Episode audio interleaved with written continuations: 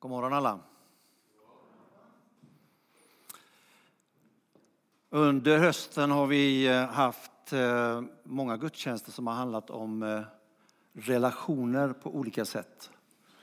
Relationer med olika infallsvinklar har vi behandlat sedan augusti och framåt. Och det här blir sista gudstjänsten innan jul där vi har samma tema. Och det här är rubriken som du ser idag på det jag skulle vilja dela med dig.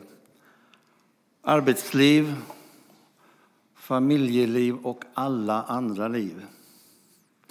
Att finna glädje, harmoni och balans mellan de liv vi lever.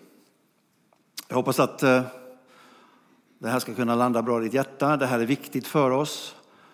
Eh, därför att det är så att under dygnets 24 timmar så befinner vi oss i något av de här olika liven. Det är eh, förutom arbetsliv, familjeliv, det kan vara som idag, det är församlingsliv, idrottsliv, en del av det är politiker, det är politikerliv och listan kan göras lång. Men det finns ett samband mellan alla de här liven. När det fungerar väldigt bra, då spiller det över. Och när det inte fungerar bra så spiller det också över. Och vi ska titta på lite mer på det här. Just det här med orden med glädje, harmoni och balans, att finna det här. Och tror jag flera av er redan känner att det är inte så enkelt och det, det är inte så lätt att hitta balansen mellan de här liven. Och vi ska titta lite närmare på det. Så att jag ska strax återkomma till två av de här liven som vi ska prata lite mer om.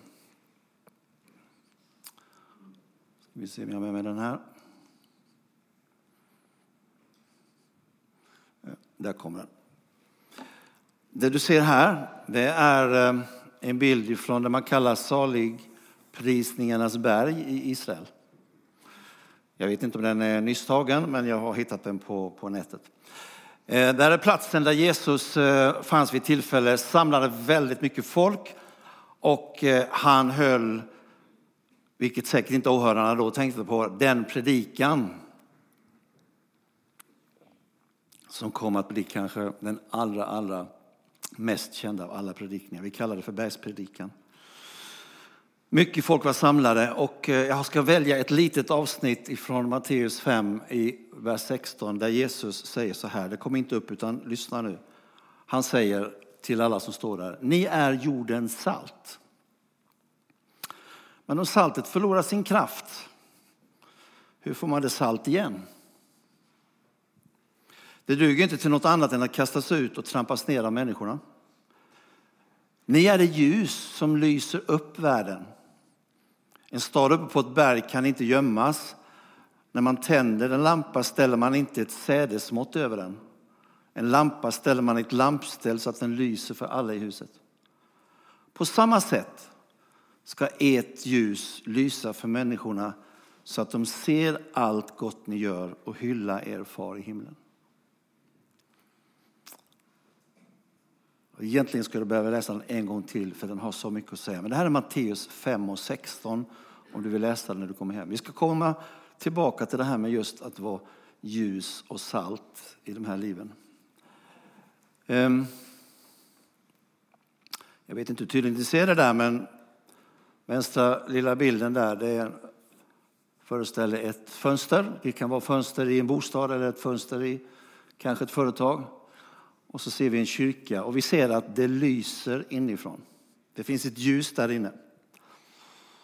Går man förbi det här fönstret i den här stugan så ser man att det ser varmt och skönt ut där inne.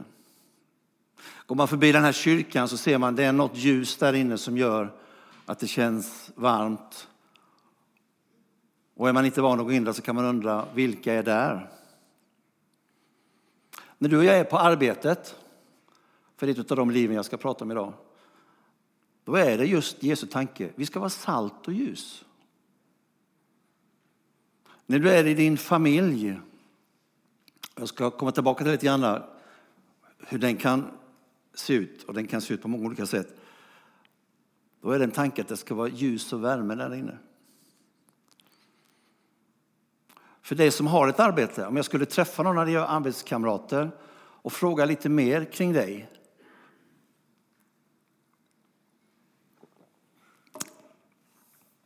Får jag då höra, nej men han eller hon, de är, det är något speciellt. Det är alltid en värme, det är alltid generositet. Är det det man säger när man träffar dig och mig på arbetet? Eller har vi en annan attityd där? Är det något annat som lyser om oss? Är vi salt? Är vi ljus på vårt arbete? Och du som kanske har en tonårsdotter eller tonårsson hemma, om jag träffar honom eller henne och frågar hur är det där hemma? Får jag då höra att du som mamma och pappa är, ett, ja, det är min förebild, det är mitt stora föredöme. Är du som förälder ett salt och ett ljus där hemma? Och det var precis det här Jesus ville säga. Vi tar den sista delen av vad Jesus sa. Han sa på samma sätt ska ett ljus lysa för människorna så att de ser allt gott ni gör och hylla er far i himlen. Det här är vad Jesus uppmanar oss. Vi som säger att jag tror på Jesus, jag vill vandra med honom. Det här är en uppmaning av Jesus. Ehm, och du säger att det här är svårt. Jag klarar inte det alltid. Det är därför att du är människa, precis som jag. Vi fallerar ibland. Men det fantastiska är att hela vårt nya testamente talar om det finns en hjälpare, det finns en helig ande, det finns en förespråkare. Det finns någon som säger jag vill hjälpa dig varje dag att du ska kunna få vara ett salt och ett ljus. Dygnet 24 timmar, sju dagar i veckan. Och för dig som är bra multiplikation, slog du ihop det nu snabbt, så blir det 168 timmar på en vecka. Så ser en vecka ut. Det är familjen på morgonen. Fundera på vad som händer. Salt och ljus. Arbetet, för dig som har arbete, pågår under dagen. Och du möter dina arbetskamrater. Du kanske är chef arbetsledare eller du kanske möter någon som är chef arbetsledare. Framåt eftermiddagen, kvällen, det är dags för andra liv. Du kanske är politiker, du har ditt hjärta för innebandy, du har ditt hjärta i församlingen, du kanske till och med är i alla tre. Du har många liv som pågår. Och Jesus han säger, var salt. Var ljus där du än är i de här olika liven. Det är vår uppmaning.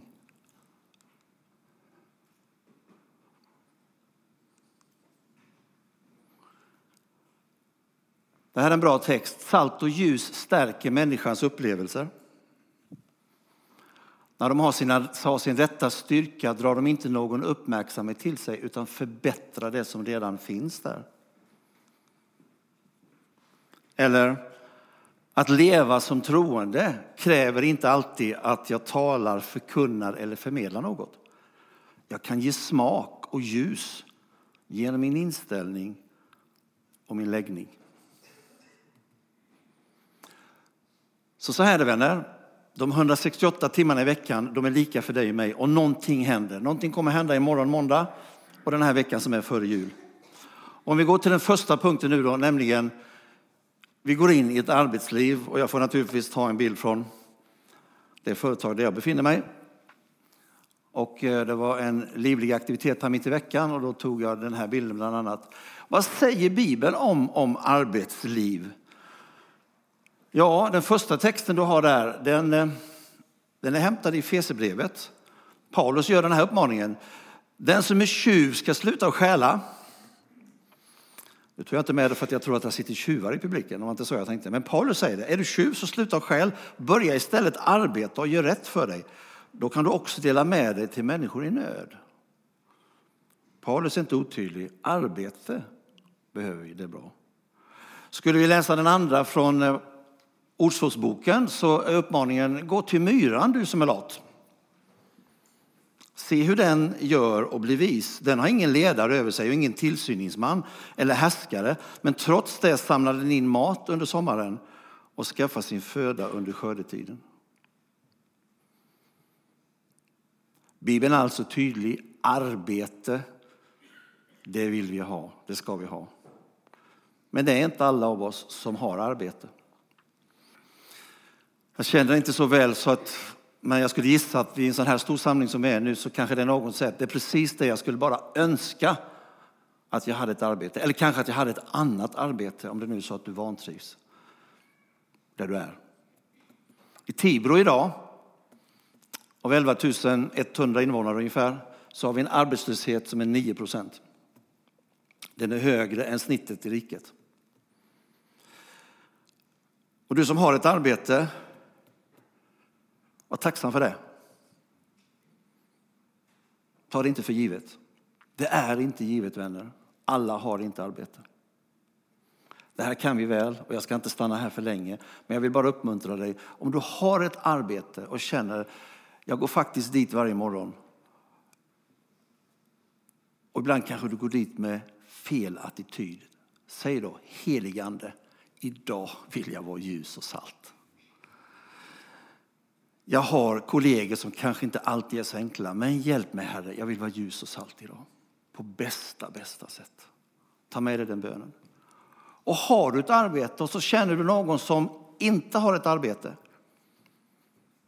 Där kan du också vara ett ljus och salt. När tog du en fika senast med fokus på att jag vet att han eller hon har inget arbete? Jag vill bjuda på en lunch och jag vill sitta ner och lyssna och säga, hur går det? Har du kontakt med Arbetsförmedlingen? Har du kontakt med de lokala människorna som hjälper till här i Tibro? Vad skulle du vilja göra? Du som har ett arbete, var salt och ljus genom att ta dig lite tid med den som kanske behöver lyssna till dig. Och kanske till och med att du kan hjälpa till att det ska gå ännu bättre. Tänk också på följande. Och den här bilden har ni sett, för den har jag använt ganska många gånger under hösten. Där vi ställer oss frågan, vad har du i din hand? Vem är du? Vad är dina talanger? Vad är dina intressen? Är du praktisk? Är du teoretiker? Gud har utrustat dig med gåvor och den här frågan, den här handen och den öppna, den är så bra att vi emellanåt bara funderar, vad har jag fått? Vad har jag fått att förvalta? Är du snickare? Se till att du blir den bästa.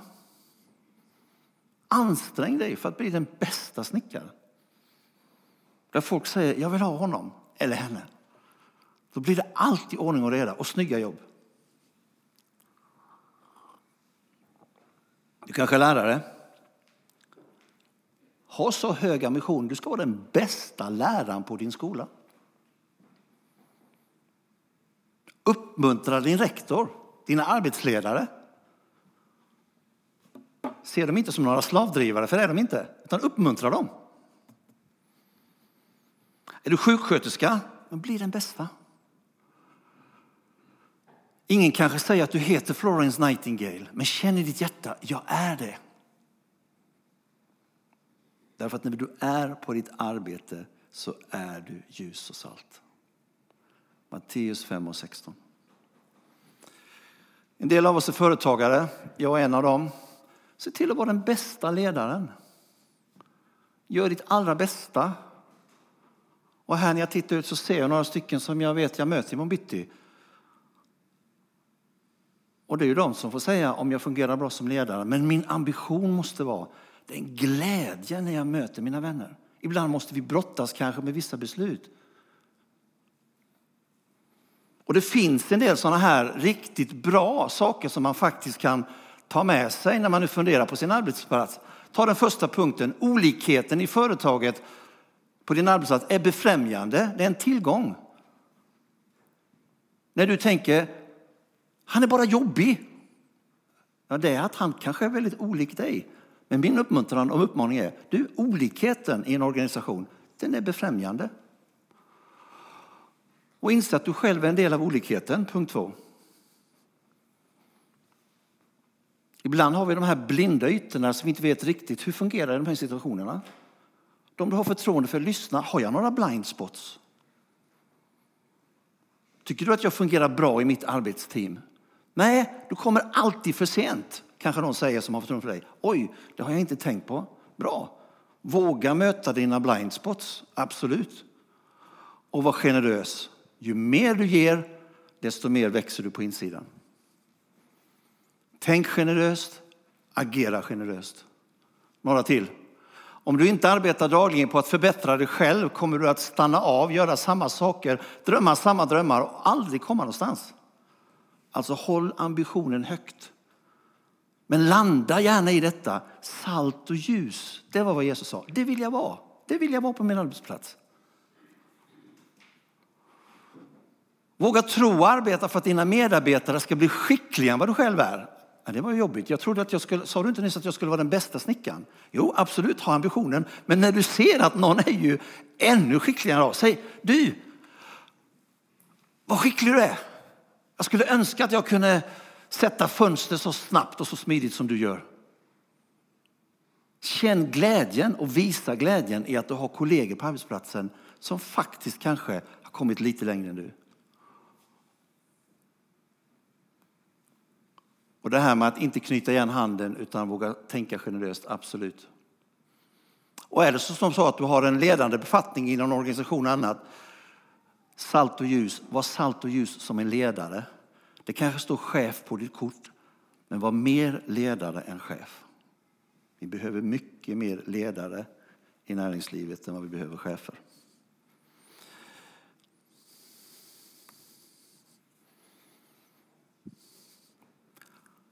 Mm. Jag kan eh, mejla över de här till dig och säga att det var några punkter där som jag inte skrev ner, men de var väldigt, väldigt bra. Då får du återkomma till mig sen. Och eh, vi tar nästa bild. Ja, de känner du igen? Det är en av dem jag möter imorgon. Det är lika roligt varje gång, eller hur Felix? Det är en glädje att se Felix. Och det är en glädje att se David, de sitter på samma bänk. Och så skulle jag kunna räkna upp fler. Har jag någon mer här nu som jag, Camilla sitter där nere och så vidare. Ehm, jag har inte frågat Felix om jag fick använda bilden, men det stod ingenting. Det var jag som hade tagit den nämligen, så jag tänkte jag kanske får använda den. Här är Felix mitt uppe i ett högt tempo som var onsdags morgon, där jag fick se hur lagandan i företaget fungerar på ett alldeles utmärkt sätt. Vi fick 1950 kartonger som skulle bäras in från en 40-fots eh, container på mindre än en timme, helst. Och jag hade önskat, jag har till och med filmat det, ni skulle sett hur det här gänget på 30-40 man eh, drog igång. Och det behövdes ingen ledare där, utan det var bara glada tillrop. Och eh, hur gick det David? Vi behövde fem kvart eller någonting va? Vi behövde ungefär fem kvart eller fyra kvart. Vad tog det? Knappt lite drygt en timme. Det var riktigt roligt att se. Alltså, tänk på det, om du heter Felix eller någonting annat. Du är en av de som skapar en attraktiv arbetsplats. Det är inte din chef som gör det endast, det är du som gör det. Du är en del i teamet. Du är den som får andra att växa, absolut. Och det såg jag i onsdags när man då säger, Nej, men du, vi byter plats, jag ställer mig där istället så gör vi så här. Ja, men nu pratar du bara vanligt arbete. Det är precis det Jesus sa, var salt och ljus i det vanliga. Som människor säger det är alltid roligt när du hugger i. Och du är faktiskt en av dem på ditt arbete som skapar fler arbetstillfällen. Ibland, jag är medveten om, ibland har vi indragningar. Vi har fått läsa det lite grann i media nu i veckan. Det kanske fattas beslut, politiska beslut, andra beslut och så helt plötsligt är någon drabbad. Absolut. Vi har varit med i Tibro när Swedwood sa vi ska inte vara kvar i gamla Tuahuset längre. Och helt plötsligt så pratar vi om 225-250 stycken som förlorade arbetet. Det här är också en verklighet vi har. Men vi ska arbeta för och göra vad vi kan för att skapa fler arbetstillfällen. Och som sagt, du är ljus och du är salt. Det var det första livet. Mer än så ska jag inte gå in på det. Jag bara uppmuntrar dig. Jesus säger, var salt och ljus. Nu tar vi det andra livet. Familjelivet. Vad säger Bibeln om, om familjelivet? Bibeln säger väldigt mycket. Jag ger er några korta citat. Ni gifta män, älska era hustrur som Kristus har älskat församlingen och gett sitt liv för den. Paulus till Efesierna. En man ska älska sin hustru som sig själv och till er som är hustru Hustrun ska, ska visa sin man respekt. Salt och ljus. Ni barn, lyd era föräldrar för Herrens skull. För det är vad som är rätt. Visa respekt för dina föräldrar, för det är det första bud som följs av ett löfte, nämligen så ska du få ett långt och lyckligt liv. Paulus i Efesierbrevet. Och ni fäder, mödrar, reta inte upp era barn. Var ingen rättsticka. Och igenkänningsfaktorn där brusar lite i bänkarna. Nej, det säger Paulus. Ni fäder, reta inte upp era barn utan fostra och undervisa dem så som Herren vill. Ljus och salt. Det ser olika ut för oss. Det här är en del av, av min familj. Ehm, Louis och eh, Iris står där och är jättelyckliga en dag i Malmö. Det är Hampus barn, för att eh, nu var det fredagspaj och glass. Och Iris tycker att hon har öron som gör att mungiporna stannar där. Uh, väldigt lycklig. Och de har ett antal kusiner. Tio, de sitter tio på den bilden där nere. Det är elva nu, så bilden är något år. Och ibland så sitter morfar och spekulerar med, med Benji och Fundera lite på hur det kan se ut. Men så här ser inte alla familjer ut. Och till dig som känner att det är på gränsen till jobbigt att höra om familjer, stora familjer. Jag har ingen. Jag önskar inget hellre.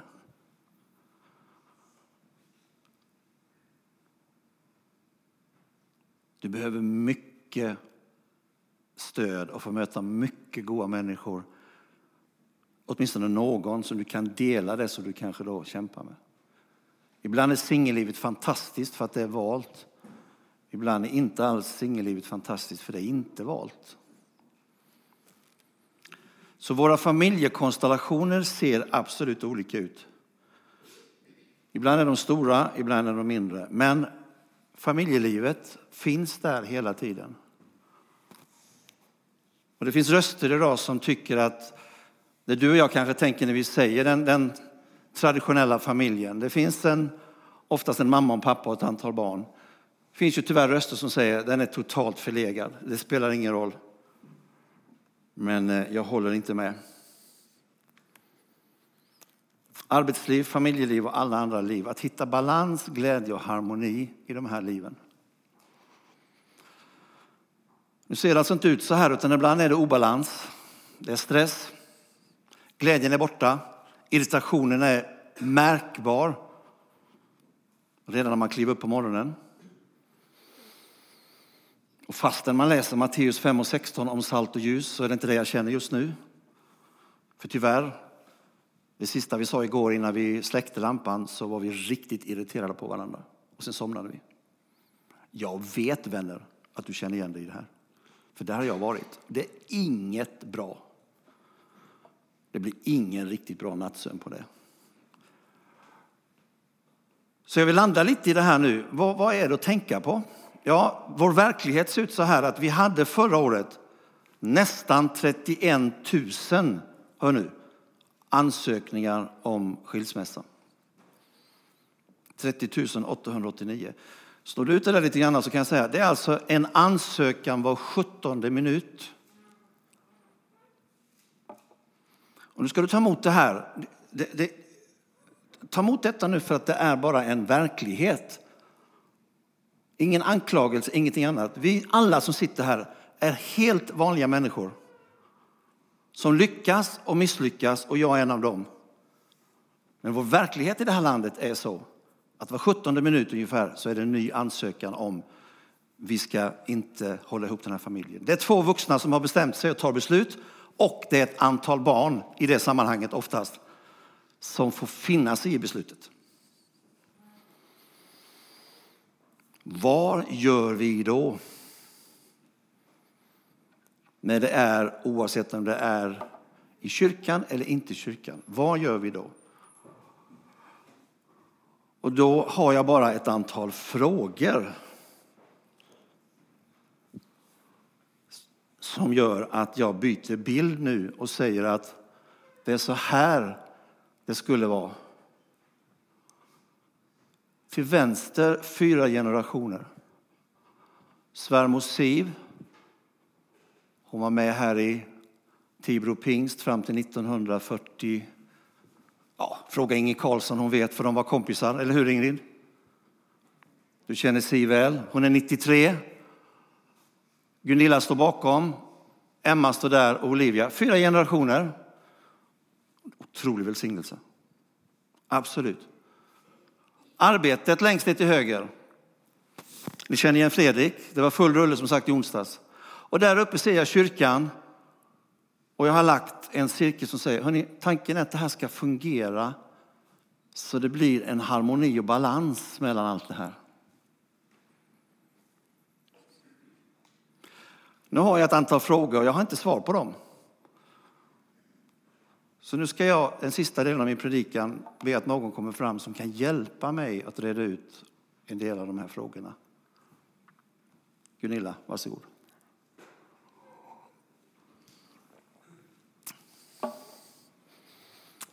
Vilken tar vi David? Den röda?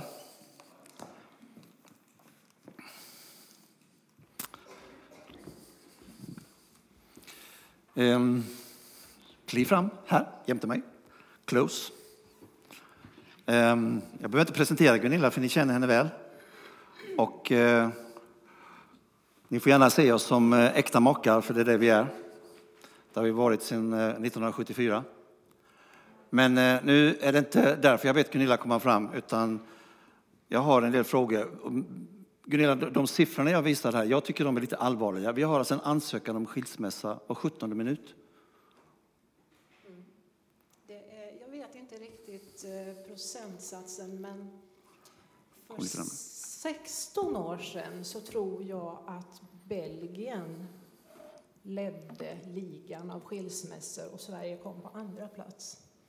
Eh, och det kan nog ha blivit ännu sämre på de här 16 åren. Du är relations och familjerådgivare. Ja, det är jag. Hur länge har du jobbat som det? Jag har jobbat som det i 16 år. Hur kom det sig att du valde det yrket?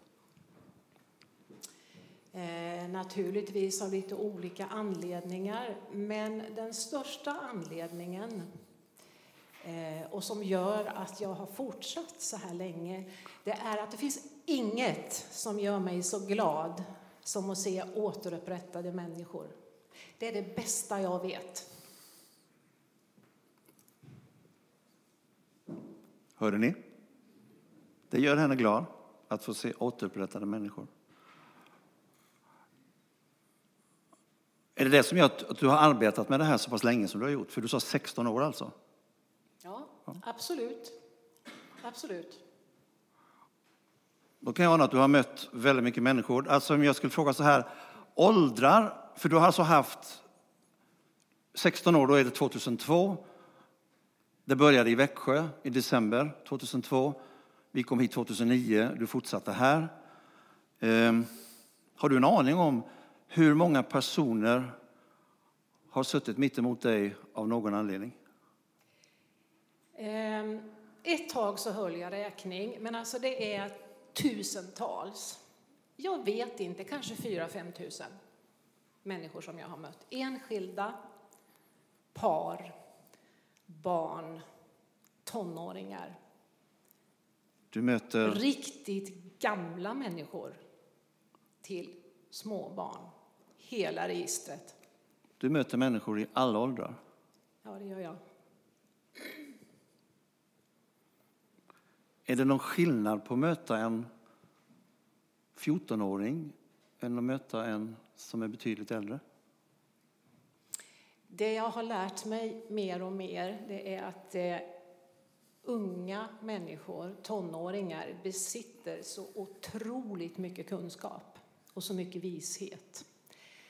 Så sen vi kom till Tibro så har jag mer mött unga människor kanske än vad jag gjorde från början. Från början så var det mest parrelationer.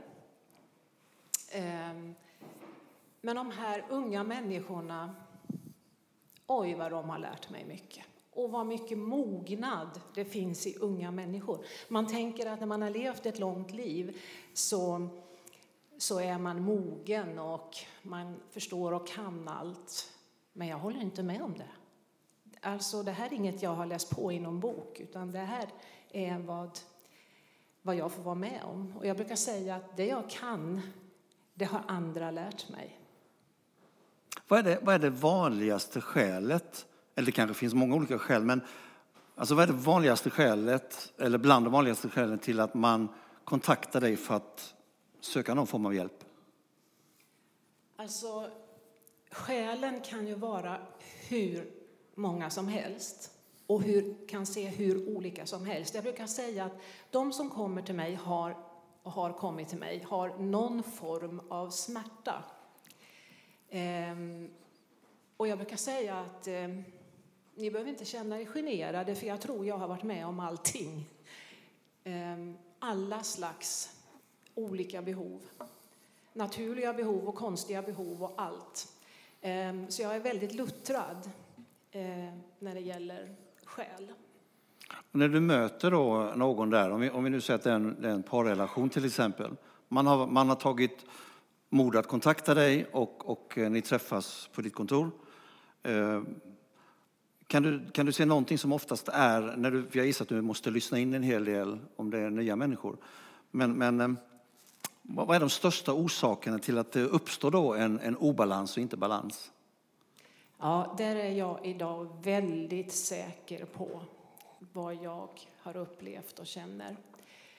Um, nummer ett, det som gör att vi får obalans i våra liv, vare sig det är parrelationer eller vi har ju alla relationer. Det behöver inte vara par, utan vi har alla relationer till människor.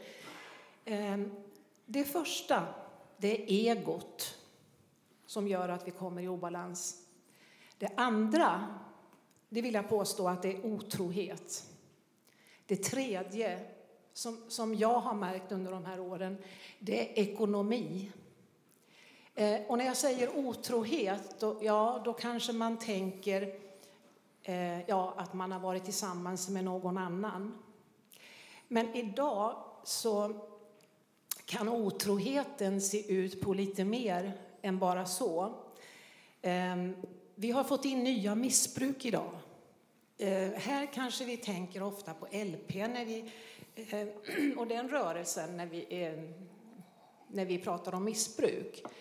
Men jag möter så otroligt många andra missbruk. Och ett stort missbruk som, som gör att den ene, till exempel i en parrelation, upplever det som otrohet, det är allt detta eh, porrsurfande som vi har, våra datorer och våra paddor. Eh, där alltså den som står vid sidan om upplever det som en otrohet. Eh, och det blir, eh, jag möter väldigt ofta, det blir ett missbruk som leder till otrohet. Du börjar med att säga ego. Eh, då, då skulle jag vilja, eller vi skulle vilja ha ni mer förklarat. Alltså, om ego är en av anledningarna till att du ser att, att det hamnar i obalans, vad, kan du utveckla det? Vad, vad menar du med det? Ehm, vi lever i ett samhälle idag där det handlar väldigt mycket om att man ska själv förverkliga sig. Det är jaget. Jag ska må bra. Ehm, jag behöver det här. Ehm, jag tycker att du ska göra. Alltså man utgår ifrån sig själv hela tiden. Vi som har en tro och lever med Jesus Kristus, vi vet att det är ju absolut inte det bibliska. För att om vi, om vi vill vara någorlunda lika Jesus så ska vi sätta den andra för oss själva. Och det skulle vi behöva lära oss mer i våra relationer. Både vi som lever som makar och vi som inte gör det. Vi som lever enskilda personer, singlar, eh, änkor, vad vi än har för situation. Det är också ett liv, men vi har relationer i regel, alltid till någon. Så ego då, det, det är att jag jag för fram mig själv mer än att jag kanske funderar på varför min motpart upplever en obalans. Ja. Men det, det är väl bara, men det där har vi ju, Bengt har ju predikat om det under hösten här och, och, och, vi har ju många bibelställen på det här att vi ska säga förlåt. Så att eh, om jag då bara säger att, ja men okej förlåt då, då, då är det väl bra sen. Mm. Så där låter det ofta i mitt rum. Ja, men jag har ju sagt förlåt. Vad mer kan jag göra? Han lyssnar inte. Jag har ju sagt förlåt. Men hallå lite brukar jag säga då. Är det på det sättet du säger förlåt? Det där är inte det förlåt som jag menar när jag pratar om förlåt. Vill du att jag ska utveckla vad jag menar med förlåt? Gärna. Mm. För det första, vi, vi som är troende, vi som, vi som är med i kyrkorna, vi pratar ju mycket om förlåtelse, eller hur? Vi ska förlåta och vi ska ta det under blodet och det Gud har förlåtit mig. Alltså, mm, när, alltså när folk som är kristna sitter hos mig, då kallar jag det för religiösa koder. Och jag brukar säga, nu pratar vi vanligt. Och så kan vi lämna Gud lite åt sidan och så pratar vi vanligt. Um, ja, vad var det? Vad var frågan? Ja, du säger prata vanligt. Jag menar när man, jag har sagt, ja men det, jag, jag säger förlåt och då ja, säger du att då räcker inte det. det. Um, och då försöker jag förklara vad förlåt är för någonting. Förlåt är precis som andra saker som vi tar val och beslut om. Jag väljer att leva i ett förlåtande tillstånd. Jag väljer att förlåta eller be om förlåtelse även om jag känner mig övertygad om att det inte är jag som har gjort det största felet, eller det är inte jag som står till den största procenten av felen. Men jag väljer att leva i ett förlåtande tillstånd. Det är ett val. Det är ingenting som jag gör bara för att känslorna svallar. Um, ja. Mm. Jag går in för landning. Klockan är kvart över också ser jag. Men du, om vi säger så här då. Eh, vi förstår ju, och jag vet som lever med det, att, att 16 år är en väldigt lång tid och du har mött väldigt, väldigt många olika saker. Och det här sista du nämner om, det vet jag att du skulle kunnat utveckla ännu mer. Men eh, om jag säger så här, då, vi, vi som sitter i den här kyrkan eller i andra kyrkor och vi har hört Bengt och andra då predika om förlåtelse. Vi har fått det så här. Skulle du vilja säga att eh, ifrån din verklighet, vi, vi som då möts så här och vi hälsar på varandra och det, det, det är trevligt och bra på alla sätt. Är vi bättre när vi kommer till familjerelationen än man är gemene man? Tyvärr inte. Vi är, vare sig vi lever med Jesus eller ej, så är vi vanliga människor med fel och brister. Eh, och jag har inte märkt under de här 16 åren att vi som är kristna inte får samma problem, utan vi får samma problem. Men det som kan bli lite fel i de här situationerna om, om vi bekänner oss som kristna, det är just det här att vi slänger oss med att det här har jag redan tagit med Gud och det här har jag redan, ja, det som jag sa innan med de här religiösa koderna. Och så kan jag se en väldigt dålig attityd. Ja, okej, okay. men har du sagt till din fru eller har du sagt till din man att jag ångrar mig av hela mitt hjärta om jag hade förstått vad det här har gjort med dig, vad det här har fått för resultat i ditt liv. Nu förstår jag det. Och det, det, det, är då jag menar att kunna säga förlåt när vi vet att vi har gjort fel, det tror jag de flesta klarar ganska bra. Men att kunna säga förlåt när man inte kommer på att man själv har gjort fel, det är det som är grejen. Förlåt mig för det som jag inte har förstått att jag har gjort. Det är det som jag menar att leva i ett förlåtande tillstånd. Och det är därför jag brukar säga att förlåta, det är att inte låta den andra känna skuld. Och att glömma, ehm, alltså det är ju inte att nu, nu håller jag på att bli dement eller nu håller jag på att tappa minnet. Utan när jag pratar om glömma, då är det att efterskänka utan krav. Efterskänka, det är ett ganska starkt ord. Jag efterskänker det här, men jag kräver inget tillbaka. Du, ehm, jag hör att du skulle kunna hålla ett ännu längre föredrag om det här, men, men jag lovade att landa. Eh, du sa resultat. Innan jag frågar så här, 16 år, har du sett resultat?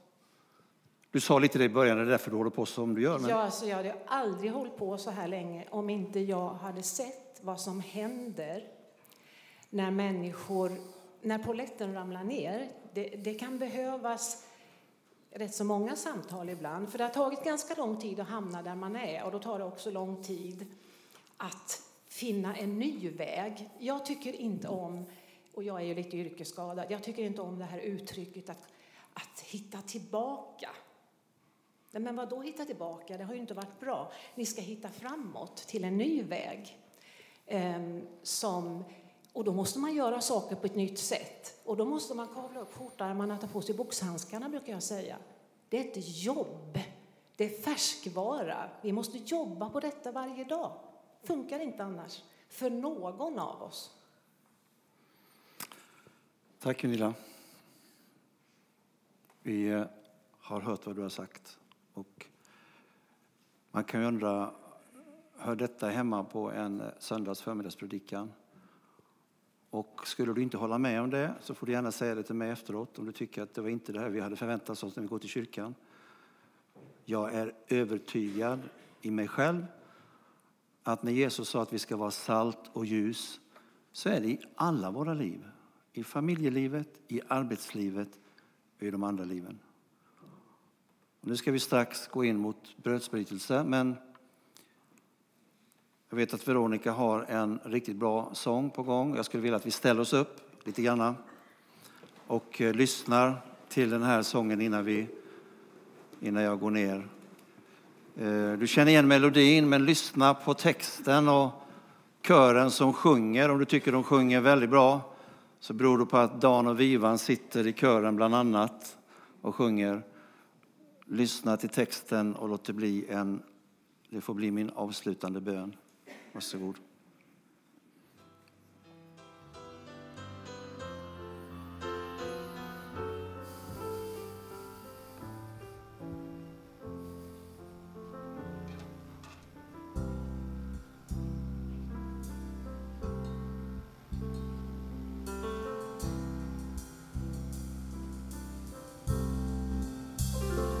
och solen drar